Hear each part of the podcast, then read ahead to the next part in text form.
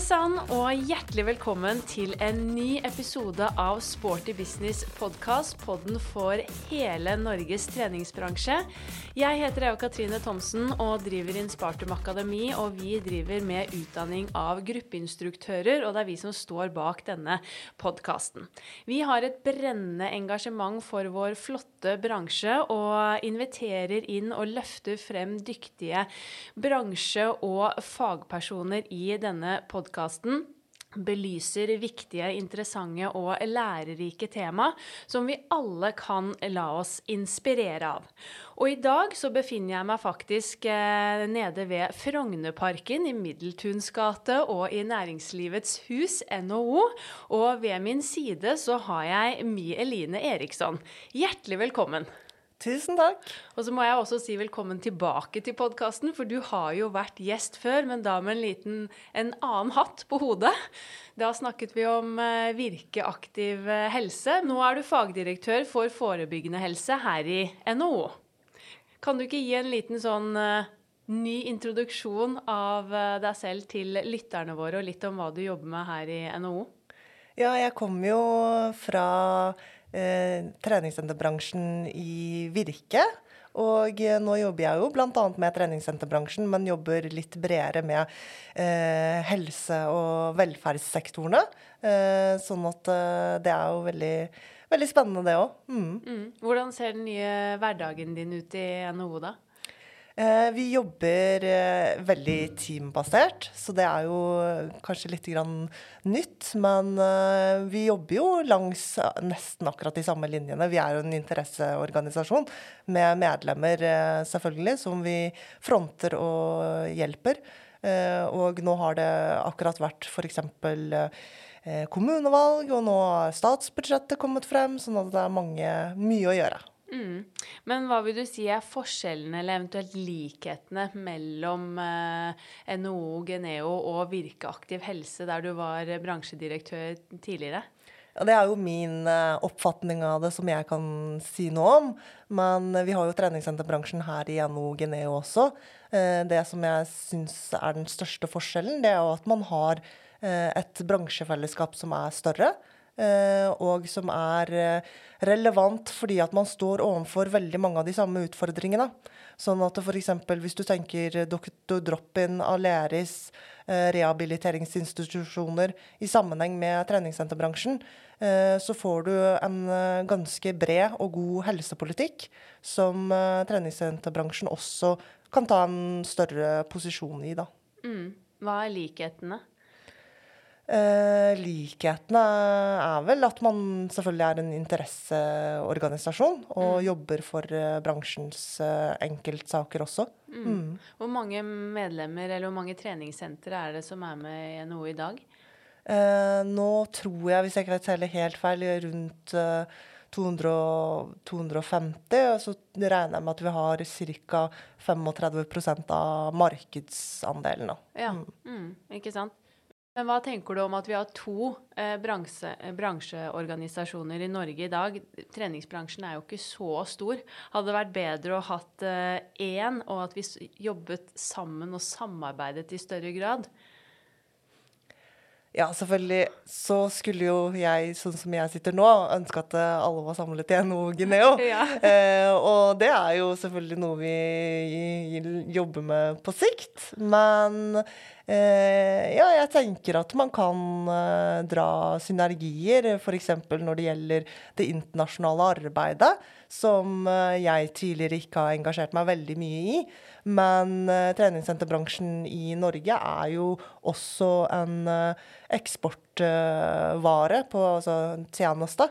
Uh, vi har den høyeste penetrasjonen i hele verden, så å si. Og vi gjør noe som er veldig riktig. Det som jeg syns norske treningssenterbransjen skiller seg ut på, det er jo at et treningssentermedlemskap er for alle. Det er ikke for dyrt.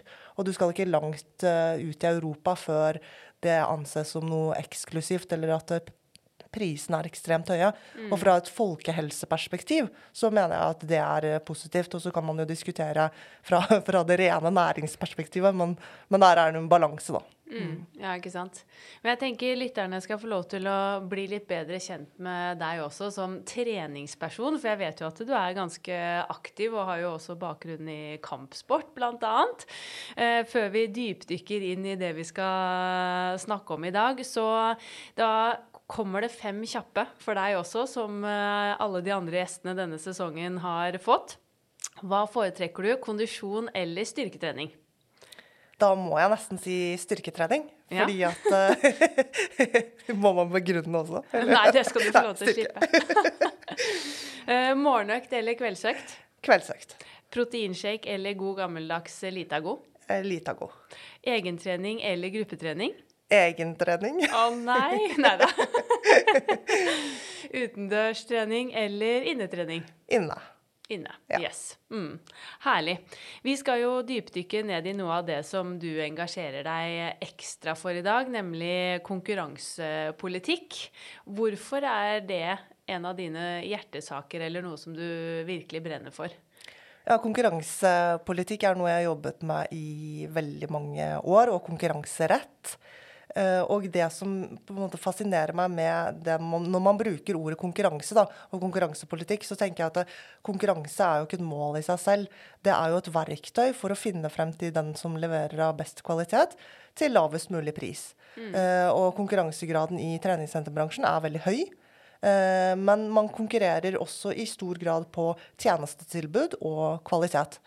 Så jeg er opptatt av at man konkurrerer på like vilkår. Mm. At konkurransen er rettferdig og transparent. Og at selvfølgelig forbrukerperspektivet har du en velfungerende konkurranse i et marked, så er det jo best for både deg og meg. Mm, ikke sant? Og du har vel jobbet mye med konkurransepolitikk tidligere også, før du kom inn i treningsbransjen? Ja, og det er jo veldig gøy å gå fra det mer eh, generaliserte og dykdype og spesialisere seg kanskje ned på, på, bransjenivå. Og det er kjempespennende. Og så er det morsomt å se treningssenterbransjen i et konkurranserettslig perspektiv, der hvor du liksom ser linjer over til andre typer bransjer, også innenfor helse og velferd. Uh, og det, det, er jo veldig viktig for treningssenterbransjen at man har både en konkurranselovgivning, men også en praktisering av den lovgivningen som tilrettelegger for uh, treningssentrene. Mm. Mange har sikkert lest i bl.a. treningsindustrien denne høsten at uh, fredag den 6. oktober, da var det en helt spesiell dag for treningsbransjen. Og den markerte en betydningsfull milepæl, som det ble sagt, da det ble klart at EVO, Family Sportsklubb og Drøbak Yogastudio vant søksmålet mot Frogn kommune i Eidsivating lagmannsrett. Og jeg vet jo at du spilte en avgjørende rolle i denne eh, viktige rettssaken. Og det har jo vært en pågående prosess eh, over lang tid. Eh, men kan du ikke fortelle litt eh, om bakgrunnen for dette søksmålet, og hva det egentlig gikk ut på i utgangspunktet? Ja, det er, jo, det er, jo, en lang historie. fordi det er jo ikke sånn at man eh, ender opp med et søksmål bare sånn med en gang. Og, og akkurat med Frogn kommune så begynte man for eh, flere år tilbake i tid en dialog med kommunen. Eh, og stilte litt spørsmål til hvordan finansieringen av det kommunale treningssenteret skjedde. Og det var jo tre da konkurrerende aktører i Frogn kommune som uh, fikk uh, noen signaler, og selvfølgelig leste og fulgte med på kommunestyret og disse rapportene som kom, og uh, overvåket hva som skjedde i kommunen. Og det som man fikk en sterk mistanke om, det var jo at det kommunale treningssenteret mottok da økonomiske fordeler som de private ikke hadde tilgang på. Mm.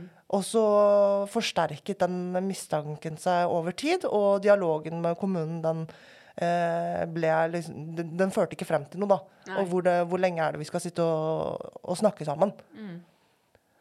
Så, så, det var liksom bakgrunnen der. Så jeg tror jo, og jeg mener jo at uh, selvfølgelig de aktørene som var involvert, eh, prøvde så, så, godt de kunne med en god dialog, og det tror jeg er det beste eh, uavhengig, uavhengig egentlig type sak. Man begynner å snakke med hverandre, men, men, kommer man ikke noen vei, så må man også vurdere hva man skal gjøre videre for å forfølge saken. Mm. Når var det dette saksmålet da egentlig, eller søksmålet startet? Ja, det var vel for eh, ett og et halvt år siden. For vi hadde jo en uh, runde i tingretten der hvor man tapte. Og så ble saken anket til lagmannsretten, der man vant frem. Og så er det jo viktig å påpeke at den dommen faktisk ikke er rettskraftig ennå. Og det innebærer at uh, kommunen kan anke opp til Høyesterett. Ja, mm. Men hva var det det søksmålet gikk ut på sånn rent konkret nå, når dere vant siste runde? Det var eh, det, det, det endte opp med, det var at vi angrep to konkrete tilskudd som lå på sånn ca. 5 millioner til treningssenteret. Eh, det var jo selvfølgelig eh, delvis kompensasjon for at det gikk dårlig under pandemien. Mm. Men også mener jo jeg, det er jo min, min vurdering av saken, at treningssenteret ikke drev, drev lønnsomt. Så de drev med kjempestore tap. Og det, det, er jo ikke noe som bare jeg påstår, det viser jo rapportene fra Oslo Economics, fra BDO, som er tunge aktører innenfor disse områdene. Så, så, poenget var vel at det, selvfølgelig de gikk med store tap. Og hva er det som skjer hvis man går med store tap i bransjen vår? Da går man rett og slett konkurs. Mm. Og det er vi dessverre kjent med i bransjen vår. Sånn, sånn er spillet. Eh, men de fortsetter da å pøse på med offentlige eller kommunale tilskudd. Og det er jo skattebetalerne i Frogn kommune som finansierer eh, tapene på det kommunale treningssenteret, og det mener jeg er veldig merkelig. Mm. Men hvordan eh, lyder denne dommen nå, da, selv om du, som du nevnte, den er ikke rettskraftig. Men uh, hvor, hva er dommen? Nei, sånn som, vi, sånn som jeg leser dommen, uh, og det må jeg ta forbehold om, det er jo at dette kommunale treningssenteret rett og slett ikke kan drive videre. Uh, at de må stoppe driften eller legge driften ut på anbud. Ja. og det tror jeg kanskje er den aller viktigste delen i relasjon til, til disse tre søks, som gikk til søksmål. Og så er det, er det eh, erstatning. Og det er faktisk den første gangen i rettshistorien at man har fått erstatning på dette, litt nerdete sagt, hjemmelsgrunnlaget, ja. eller denne bestemmelsen. Mm. Så det er jo uh, noe som uh, bransjen kan være stolt av, med tanke på at man har fullført en, en sak som har prinsipiell betydning. Og så har man fått uh, dekket saksomkostnadene i eh, lagmannsretten, og man slipper å betale kommunens saksomkostnader i tingretten. Så vi snakker om millionbeløp her eh, totalt sett. Mm. Så det er eh, konsekvensen hvis dette på en måte går gjennom og ikke blir anket videre, eller det skjer noen endringer, så er det, må driften opphøre. Eh, det er det som er konsekvensen til slutt. Helt klart. Mm. Men hvorfor er dette her så viktig, og på hvilken måte markerer dette her egentlig en sånn milepæl for treningsbransjen, vil du si? Nei, altså vi i treningssenterbransjen konkurrerer jo mot veldig mange eh, forskjellige juridiske dyr. Uh, og uh, bl.a. Uh, kommunale foretak, eller treningssentre som er, er, etablert i kommunale foretak. Og det som er liksom spørsmålet da, det er hvordan man klarer å drifte det kommunale foretaket som, som driver med treningssentervirksomhet, på kommersielle premisser, da, hvis du skjønner litt hva jeg mener. at man man bør jo da avgrense kommunens øvrige aktivitet med treningssenteraktiviteten. Mm. Både regnskapsmessig, men også selvfølgelig aktivitetsmessig.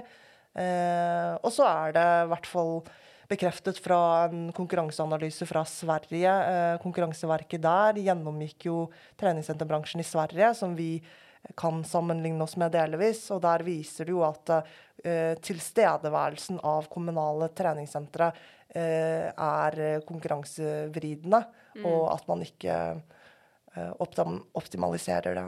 Mm. Men Hvilke konsekvenser tror du denne saken vil ha for den totale bransjen i tiden fremover? Nei, eh, vi hadde jo et eh, webinar om denne saken, og jeg mener jo at det aller viktigste er at dette ikke blir en avgjørelse som eh, sovner. Vi må forvalte den. Bransjen må forvalte den på riktig måte.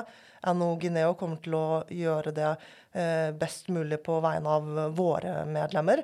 Og det har jo noe med både opplysning, men også kunne dra ut de konkrete eh, kravene som kan leses ut av dommen, til eh, kommunal drift av treningssenteret. Og det er jo hvordan du, du finansierer eh, treningssenteret. Mm. Men hvordan opplever du at denne saken eller søksmålet generelt egentlig har blitt tatt imot av bransjen?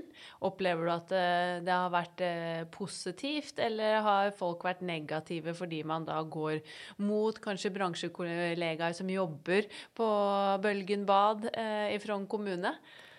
Nei, jeg må jo si at jeg, jeg har fått ekstremt mange positive tilbakemeldinger. Og det har jo noe med å forstå altså det med privat næringsvirksomhet kontra hvilken bransje man er i.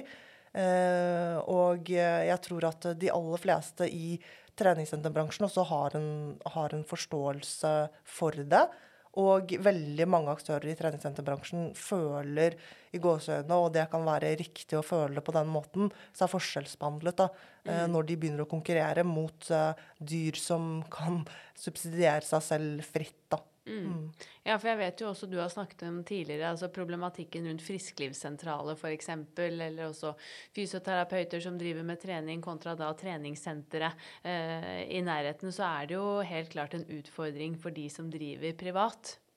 Men hva tenker du om denne drømmen vår da med å få til mer samarbeid med helsesektor og det offentlige?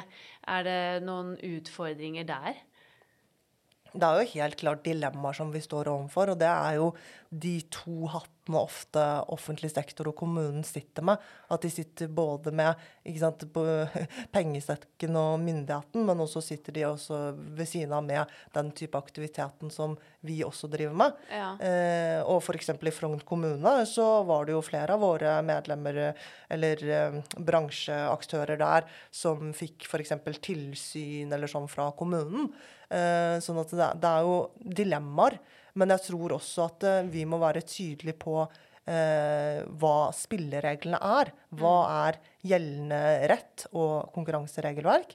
Og så må man selvfølgelig eh, samarbeide og eh, se liksom folkehelsedelen i et annet spor. Mm. Men selvfølgelig så er det jo ikke nødvendigvis den enkleste øvelsen. Men, eh, men det, vi må jo også ha tiltro og tillit til offentlige myndigheter og kommunene, at de klarer å se forskjell på disse tingene. Mm. Men prosessen videre nå, da, bare for å runde av denne saken mot Frogn kommune. De har jo mulighet eh, til å anke, som du sa, dommen videre. Når er det eventuelt eh, frist for eh, det? Eller når vet dere hva som skjer videre, eller om denne dommen blir rettskraftig? Det er eh, veldig snart. Jeg tror det, var, det, er i begynnelsen av uh, november en gang. Ja. Så det går eh, fort. Spennende. Mm. Mm. Men hva er det viktigste du jobber med for bransjen vår gjennom NHO i dag, da? Ja, nå jobber vi jo med Den høyeste prioriteten er trening som medisin, eller mm. trening på grønn resept. Uh, og det er jo et uh, spor som uh, i hvert fall jeg i mitt arbeid har videreført fra, fra virketiden. jeg opplever jo selv at vi har kommet i en mye bedre posisjon nå.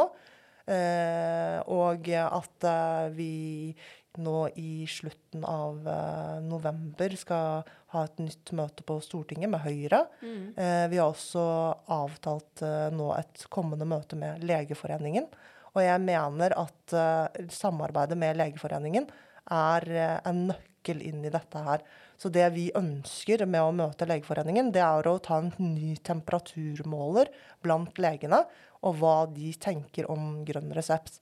Fordi sist gang man spurte legene hva de tenkte om grønn resept og trening som medisin, mm. så var det ganske mye negativt. Uh, og det var faktisk en del som rett og slett ikke hadde tro på det.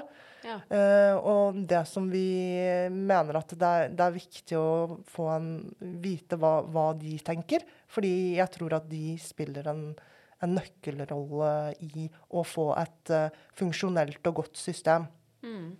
Og så jobber vi nå veldig eh, målrettet eh, mot at eh, treningssenterbransjen og alle treningssentrene i Norge fortsatt kan være rene sentre. Og bakgrunnen for det, det er jo at det, det kom et eh, GDPR. Eh, til Norge som gjorde at eh, Kulturdepartementet måtte se på eh, regelverket tilknyttet testing på nytt. Ja.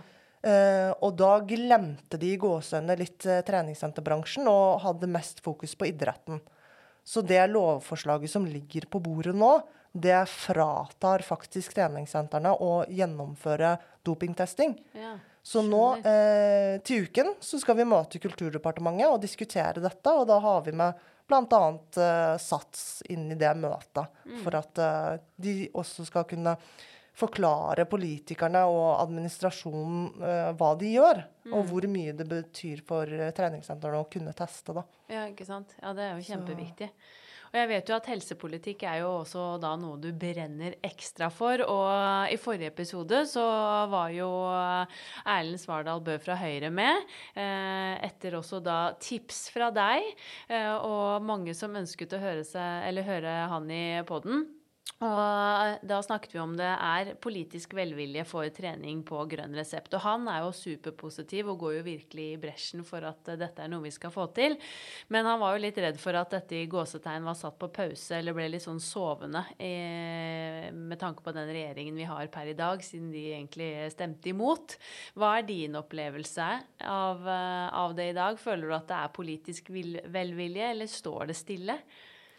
Nei, jeg tenker at uh, Erlend har veldig rett. Og jeg syns jo det er ganske påfallende og overraskende at uh, regjeringen og regjeringsstyringspartiene ikke stemte for det vedtaket. Det var et veldig gåsehudende uskyldig vedtak.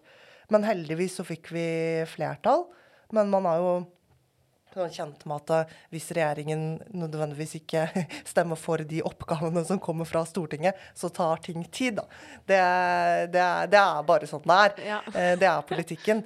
Men, eh, men det jeg opplever, og, og det perspektivet jeg vil sette dette her inn i, det er jo privat-offentlig samarbeid. At private aktører samarbeider med det offentlige for å løse samfunnsproblemer. Og folkehelsen i Norge det er et kjempestort og ikke minst dyrt samfunnsproblem. Eh, Så jeg opplever nok eh, både at det er positivitet og i, i håp, men samtidig så skulle man jo ønske at eh, den forskningsbaserte kunnskapen i større grad hadde blitt omsatt til politiske tiltak, da. Ja, virkelig. Nei, for jeg har snakket med mange bransjekollegaer de siste årene som uh, sier at ja, men vi snakket jo om dette her for mange herrens år siden allerede, og vi har jo egentlig ikke kommet noen vei.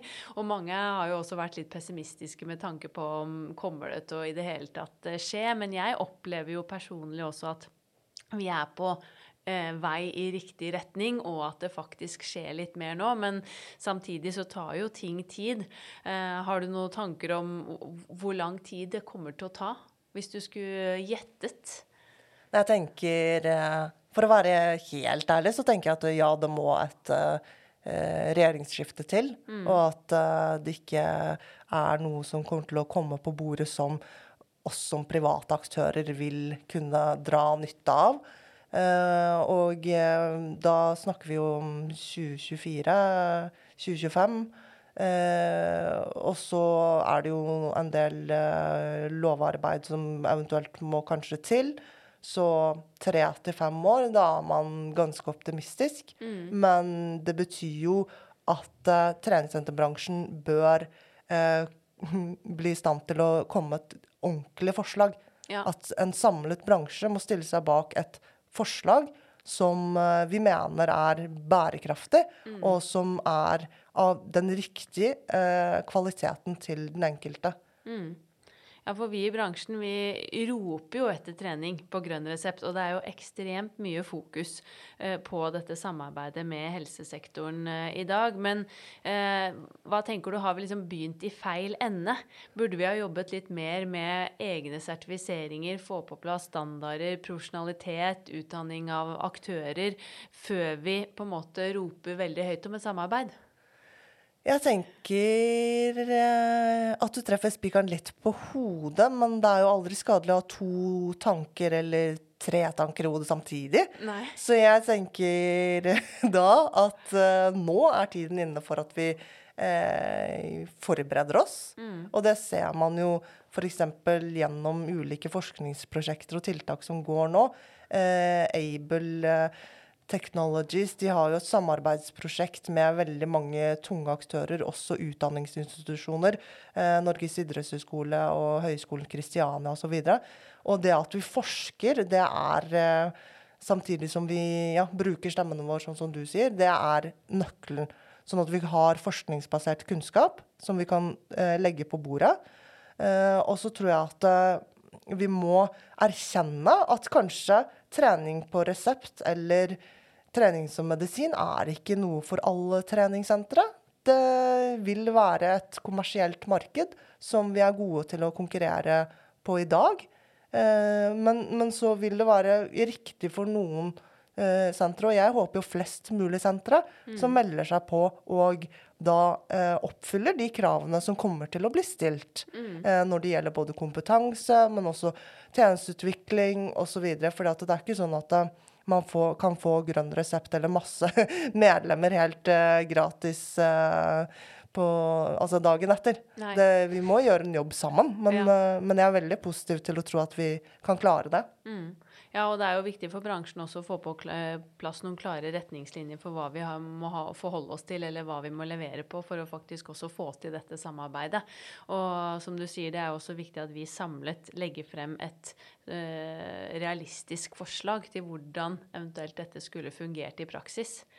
Men du, opplever du at eh, både politikere eller andre, eller kanskje til og med her på huset i NHO, har endret litt synet på bransjen etter pandemien, og det har blitt mer fokus på dette med grønn resept og viktigheten for folkehelsen? Eller opplever du at det er mange som fortsatt ser på oss som eh, bare de stedene hvor liksom de mest eh, ihuga treningspersonene holder til? Nei, ja, jeg eh, opplever i hvert fall at jeg har merket en veldig stor utvikling de siste årene som jeg har vært eh, aktiv i treningssenterbransjen, eller på vegne av treningssenterbransjen. Eh, både at temaet er mer relevant og dagsaktuelt. Vi får en del Det er ikke veldig vanskelig å få medieoppmerksomhet. Det er én ting som man kanskje kan måle ting på. Jeg syns også det er interessant at i eh, Arendalsuken f.eks., så ble vi invitert inn på veldig mange ulike arrangementer der hvor man snakker om, om folkehelse. Det er eh, også noe som gir en klar indikasjon. Og så syns jeg jo at eh, det som vi jobber med nå, det er å se helse og arbeidsliv i større tilknytning. Mm. Så et av våre helsepolitiske tiltak det er jo å innføre et skattefritak for alle arbeidsgivere på rundt 12 000 kroner i året. Mm. Der hvor sant, de ansatte kan få dekket utgiftene sine. Og så uh, kan uh, arbeidsgiver få skattefritak. Og så vet vi at det vil være på sikt uh, veldig positivt for bunnlinjen, og da selvfølgelig sykefraværet. Mm. Um, så det er jo veldig, veldig konkret. Og så syns jeg jo at um, ja, treningssenterbransjen også merker nå post pandemi at folk er blitt enda mer opptatt av både mental og fysisk helse. Så det er jo positivt, uh, det også. Mm. Og så vil jeg jo gi kred til bransjen som sådan. Jeg syns i hvert fall Jeg følger jo med de aller fleste aktørene. Og jeg, jeg syns man har blitt flinkere til å markedsføre seg og profilere seg på eh, de riktige både verdiene, men også snakke kanskje et litt modernisert språk. Mm. Og det er jeg veldig eh, ikke bare fan av, men det tror jeg også styrker saken vår. Mm. Virkelig. Ja, det, dette med som du sier, skattelette er jo et veldig spennende in, uh, insentiv for å se om vi kan få flere folk i aktivitet òg. Så jeg er veldig spent på om uh, man kan få til det. Men sånn som dette innspillsmøtet som skal være på Stortinget, det er vel tre, uh, 13.11., er det ikke det? Er det åpent for alle som har gode innspill, eller eh, hvordan er det? Eh, ja, det skal i utgangspunktet være åpent eh, for alle. Og hvis det er noen som eh, ønsker å komme, så er det jo bare å eventuelt ta kontakt med meg, eller kanskje deg, eller Erland, eller ja. ja. Altså hvis man sitter der og ønsker å være med, men vet ikke helt hvordan man skal Det var klare det det. jeg tenkte på. Hvis noen sitter og hører Ja. på og kanskje jobber og har noen gode ideer eller brenner eh, veldig for det samme, så tenker jeg at da er jo det virkelig en mulighet. For jeg forsto det på Erlend nå at eh, han inviterer inn, og alle gode innspill tas imot med stor takk. Så det er jo mulig å ja, sjekke ut. Men hva er dine ønsker og drømmer for treningsbransjen eh, fremover? Nei, jeg ønsker jo at uh, treningssenterbransjen blir en større premissleverandør for forebyggende helse. Og hva er det man liksom legger i det? Jo, det er jo f.eks. at det har kommet en stortingsmelding nå om bo trygt hjemme for eldre. Altså det er en målsetning for regjeringen at flere eldre skal bo hjemme lengre. Og det har jo noe med de demografiske utfordringene vi står overfor, altså at vi har et eldrende samfunn. Ja. Og hvordan er det da treningssenterbransjen kan både ha et godt aktivitetstilbud på dagtid, eh, da har man jo veldig ofte kapasitet, og hvilken rolle er det man kan spille i de eldres liv. Og det syns jeg er veldig spennende og attraktivt med f.eks. Feelgood, Ja. som du har hatt eh, besøk av tidligere, der hvor eh, de aller fleste er rundt 65 år, eller snittgrensen på medlemmene. Og det er jo helt fantastisk. Så de har jo knekt en kode der. Og det jeg tenker i relasjon til å eh, være mer relevant når det gjelder ikke-smittsomme sykdommer. Nå har vi eh, bestilt en helt ny, rykende fersk rapport fra Oslo Economics, som gir oss eh, oversikt over hvordan helsetilstanden i befolkningen er i dag. Hvordan utviklingen vil skje i 2030-2050 hvis vi ikke gjør noen ting. Og så er det jo da oppimot de fem eh, vanligste ikke-smittsomme sykdommene. Mm. Eh, og det er jo veldig, veldig relevant med tanke på hvilken posisjon treningssenterbransjen kan ha med å, uh, med å bidra til at uh, regjeringen eh, oppfyller de helsepolitiske målsetningene som de har satt. Da. Og For å være veldig konkret på det, så er det sånn at innen 2030 så skal det være en eh, eh, At forekomsten av ikke-smittsomme sykdommer skal liksom reduseres. Det er ganske drastisk med tanke på den utviklingen som har vært i dag.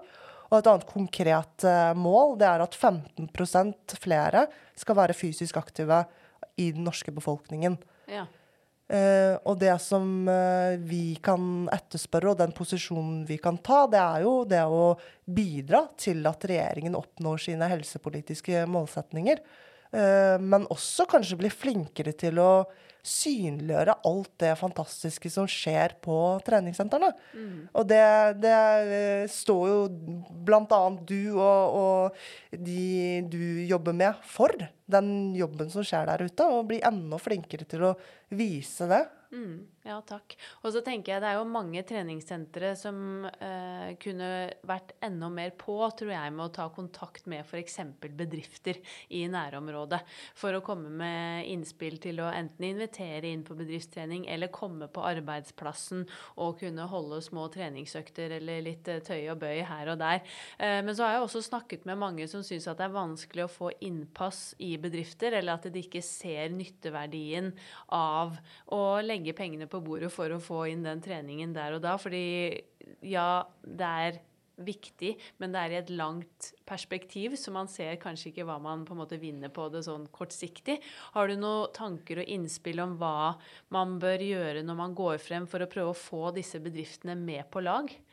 Altså, vi har jo en del tall og fakta, tallgrunnlag, og det som er det beste det er jo selvfølgelig å eh, snakke om problemene til bedriften, og hvordan på en måte man som leverandør kan bidra til å løse problemene.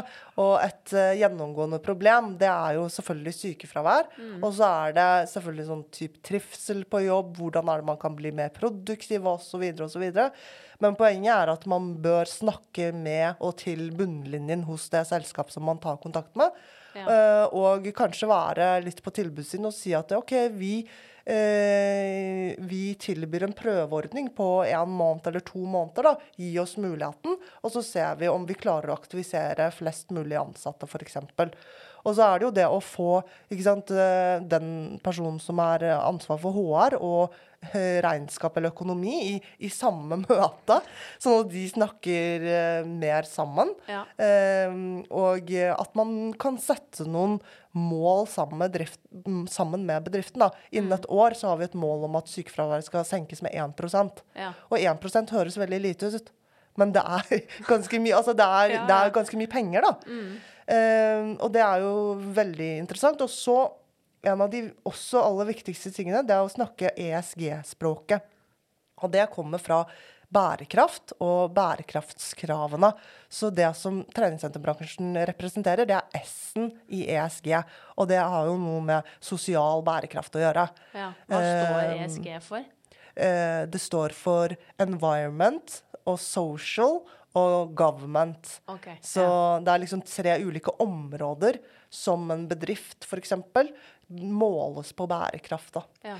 Så hvis jeg som bedrift eh, er eh, rapporteringspliktig, så kan jeg rapportere på environment, og da f.eks. at vi sorterer søppel, 15% av våre ansatte sykler til jobb, bla, bla, bla. Men på S-en så kan du da eh, f.eks. rapportere på hva bedriften gjør for at du og jeg som ansatte skal ivareta helsen vår. da.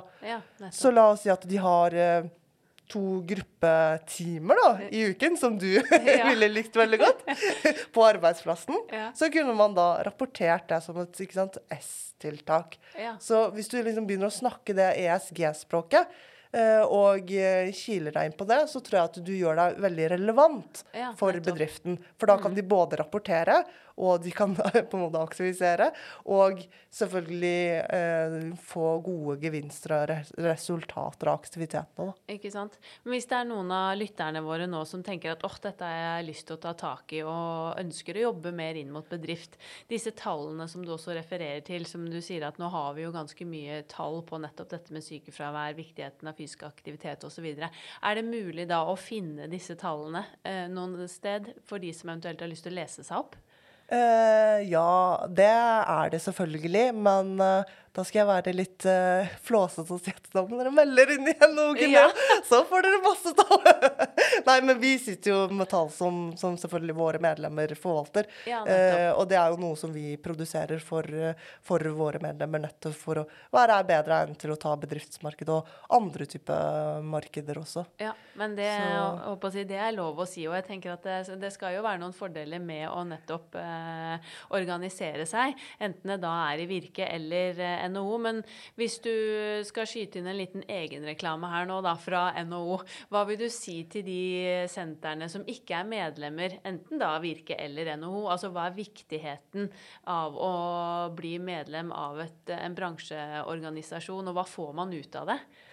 Ja, jeg tenker at det er jo veldig mange som eh, ikke er medlem noe steder. Eh, og det jeg tenker er det aller viktigste, det er jo det med bransjefellesskapet. Men også det å være med å ta en posisjon nå i folkehelsebildet. Og jo flere også bl.a. jeg kan si at jeg representerer, jo mer tyngde kan man få inn også hos eh, politikerne. fordi at da representerer man eh, enda flere.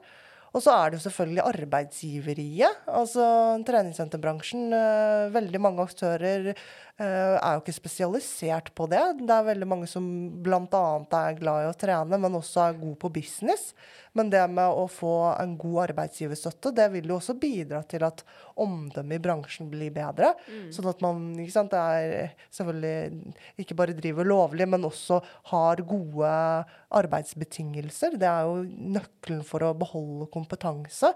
Så det kan man jo også få gjennom eh, NHO. Og så er det det å være med, nettopp å bruke sin stemme inn eh, og eh, kunne si hvor skoen trykker, da.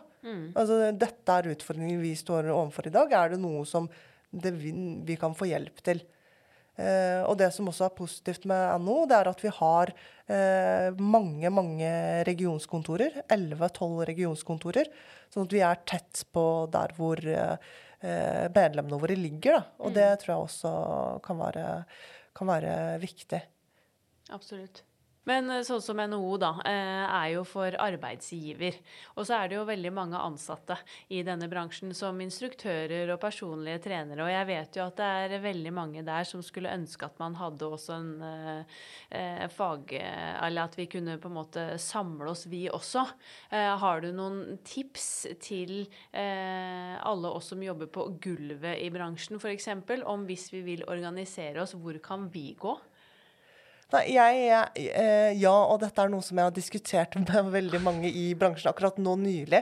Og selvfølgelig fra, fra, litt fra min side så skulle jeg virkelig ønske at eh, både gruppeinstruktørene og selvfølgelig personlige trenere hadde sine egne stemmer og organisasjoner. Mm. Og det som er litt viktig å tenke på, det er at fysioterapeuter, manuellterapeuter, helsetreningsfysiologer Altså det er flere av disse som grupperer seg og bruker en stemme, og har eh, opprettet både løse, men også mer faste organisasjoner. Mm. Og da kan man også gi høringsinnspill, man kan uh, møte stortingspolitikere, snakke med én stemme for disse gruppene. Så eh, vi kommer til å ta initiativ nå overfor eh, de som jobber i bransjen, eh, og prøve å lage en form for allianse. Mm. Der hvor man, man ser på der man inkluderer de. Og så tenker jeg at arbeidsgiver- og arbeidstakerside, ja, det er på en måte to sider, men etter det jeg vurderer, så er det liksom 90% fellesinteresse. Ja. Altså sånn, og så kan det oppstå selvfølgelig Disse 10% kan være veldig viktige også, eh, i noen situasjoner, men, men, det går veldig, veldig hånd i hånd. Ja. Eh, for vi har jo liksom ikke noe fagforbund der vi kan søke hjelp, egentlig. Eller det er jo ikke noe som samler alle personlige trenere og instruktører. Og det tror jeg det er mange som hadde satt pris på hvis vi kunne hatt et, en felles eh, organisasjon også for oss, hvor man kunne søke hjelp, man kunne snakke åpent, man kunne utveksle erfaringer, og også selvfølgelig fra, vår, fra alle som jobber på gulvet, da, kunne stille litt mer spørsmål til f.eks. lønn og andre typer ting, og at ting kunne blitt litt mer standardisert i treningsbransjen eh, på den siden. For der er det jo også store forskjeller. Ja, absolutt. Og jeg tror at treningssenterbransjen sånn redd i et sånt uh, bransjeperspektiv hadde hatt veldig godt av det med tanke på videreutvikling. Mm. Altså ta stegene videre. Og så tror jeg at det, selvfølgelig både fra arbeidsgiversiden og eiersiden så vil det kanskje være eh, Det kan være en noe smertefull prosess, men på sikt så tror jeg at det vil være en bra ting. Mm. Uh, og for eksempel, Sats har jo tariffsentre. De har jo eh, også lik praksis på så, så, å si alle sentrene sine. Mm. Eh, sånn at jeg syns jo det er verdt å på en måte nevne også det, men også alle disse andre frittstående sentrene og mindre kjedene som har orden i sysakene. Mm. Men så er det kanskje eh, litt for mange som, uh, som ikke nødvendigvis har alle eh, ja, tingene helt uh, på stell. Ja. Men, men, sånn er det litt i alle bransjer, da. Ja, absolutt. Men det er jo Jeg tror jeg vil si at treningsbransjen preges jo litt av at det er, det er store forskjeller da, mellom de som er veldig profesjonelle og som du sier har orden i sysakene, kontra andre som ikke er helt der ennå. Så jeg tror det er et ganske sånn stort sprik i vår bransje per nå. Så jeg håper at vi skal klare å utjevne det på sikt. Ja, jeg er helt enig. Men, men, bare sånn, ikke for å være veldig uenig, men la oss si at du ser på serveringsbransjen. Da, så har du jo alt fra gatekjøkken til eh, gourmet. Eh, Michelin-stjerne, ja. liksom. Altså, du skjønner, det er jo et enormt sprik der òg, da. Ja. Og det samme i hotellbransjen. ikke sant? Altså, det, det, det, er mye sprik, men jeg tror jo også det, det er spennende med mangfold. da. Ja. Mm. ja, så sånn sett så er vi ikke alene. Nei. Nei. det er sant.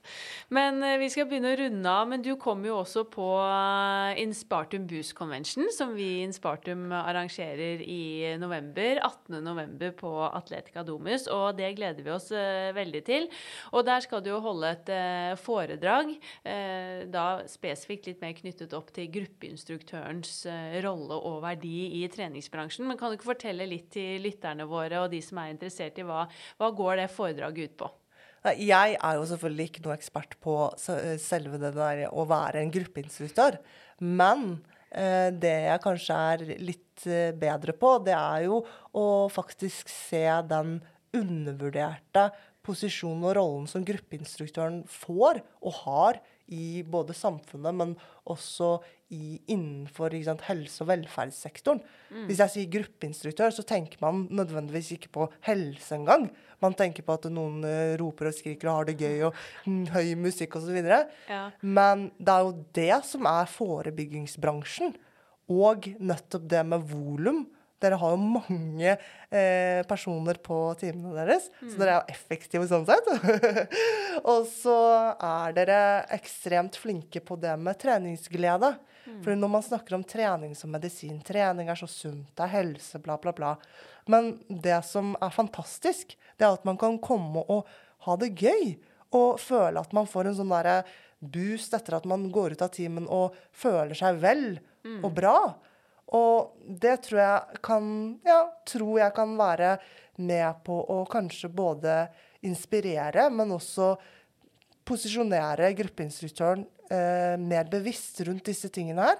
Og hvordan man også kan bruke det mer kanskje i markedsføring, hva slags språk man snakker med sine kunder, eh, og hvordan man eh, brander seg generelt. Da. Mm. Så det gleder jeg meg masse til. Men gruppeinstruktøren, det er helt klart den viktigste eh, aktøren innenfor forebyggende helse som vi har i Norge. Og det kan jeg skrive noe på. ah, det gjør ja. meg varm på innsiden og gleder mitt hjerte. Men det er som du sier, det er eh, Altså, alle instruktører er utrolig viktige, og spesielt det med å skape den gleden. Og gjøre det litt morsomt, gjøre det litt annerledes. Fordi det er mye fokus på hva som er mest optimalt, hva som er bra for deg, hva du burde gjøre, trene med PT, trene styrke. Men jeg tenker det er mange som kanskje aldri kommer til å finne den unike gleden i akkurat det. Og skal vi klare å få flere aktive, så er det kanskje det å kunne tørre å liksom virkelig gjøre det gøy, morsomt, så folk glemmer tid og sted og får en sånn euforisk følelse. Eh, at det er det som skal til. Og i hvert fall for mange, da så er det kanskje det som er det viktigste. Og for andre så setter de pris på noe annet, men vi må i hvert fall klare å dekke begge deler. Mm. Har du noen uh, tips til hvem du selv kunne tenke deg å høre i Sporty business uh, denne gangen? Jeg syns det er uh, alltid litt vanskelig. Men jeg syns jo det alltid er litt gøy å få se kanskje bransjen utenfra. da. Sånn aktør som kan se bransjen utenfra og fortelle litt, gi litt mer sånn kunnskap uh, om hvordan man oppfattes fra et annet type perspektiv, da. Mm. Jo, jeg syns jo det hadde vært veldig spennende å høre en eh, journalist, eller noen som kommer fra et mediehus, ja. eh, kommunikasjonsbyrå, ja, eh, eksempel, og få noen god input på hva, hva, det med omdømme som bransjen er opptatt av, og eventuelt liksom, hvordan man kan videreutvikle det, og hvordan man kan eh, påvirke ja, oppfatningen til opinionen. Mm. Det hadde vært veldig spennende. Det var et veldig, veldig godt uh, tips. Og ja, det har jeg ikke tenkt på selv heller, så det likte jeg veldig godt. Og der tror jeg vi har mye å hente. For vi snakker jo en del om det om dagen, liksom hvordan vi skal kommunisere osv. Men igjen så er det jo mange som jobber i treningsbransjen som ikke har den bakgrunnen selv. Litt som vi nevnte, det er mange treningsglade mennesker med mye god idrettsfaglig bakgrunn, men ikke når det kommer til da merkevare forebygging, kommunikasjon osv. Mm, kjempespennende. Tusen hjertelig takk for at du tok deg tid nok en gang, eh, Mi, til å delta i podden og dele masse spennende kunnskap. Det setter jeg enormt stor pris på. Og så gleder jeg meg veldig til eh, foredrag også den 18. november på Inspartum buss. Så tusen hjertelig takk. Ja. Tusen takk selv. Tusen takk for at du hang med på nok en episode av eh, Sporty business. Jeg håper at dette igjen ga påfyll og inspirasjon, og at vi også kanskje da sees på Atletica Domus 18.11. Eh, senere i høst. Og så er vi allerede i gang og planlegger en ny sesong av Sporty business, så alle gode tips til både gjester og tema, det tas imot med stor takk. Send til evakatrine at inspartum.no, eller send oss gjerne en melding på Instagram, Sporty Business Podcast, eller bli med i gruppen vår og legge igjen en melding der på Facebook, også med samme navn, Sporty Business. Så poddes vi igjen om nøyaktig nøyaktig to uker. Det gleder jeg meg til. Ha en sporty og strålende dag videre. Denne podkasten produseres av Inspartum Akademi og Adler.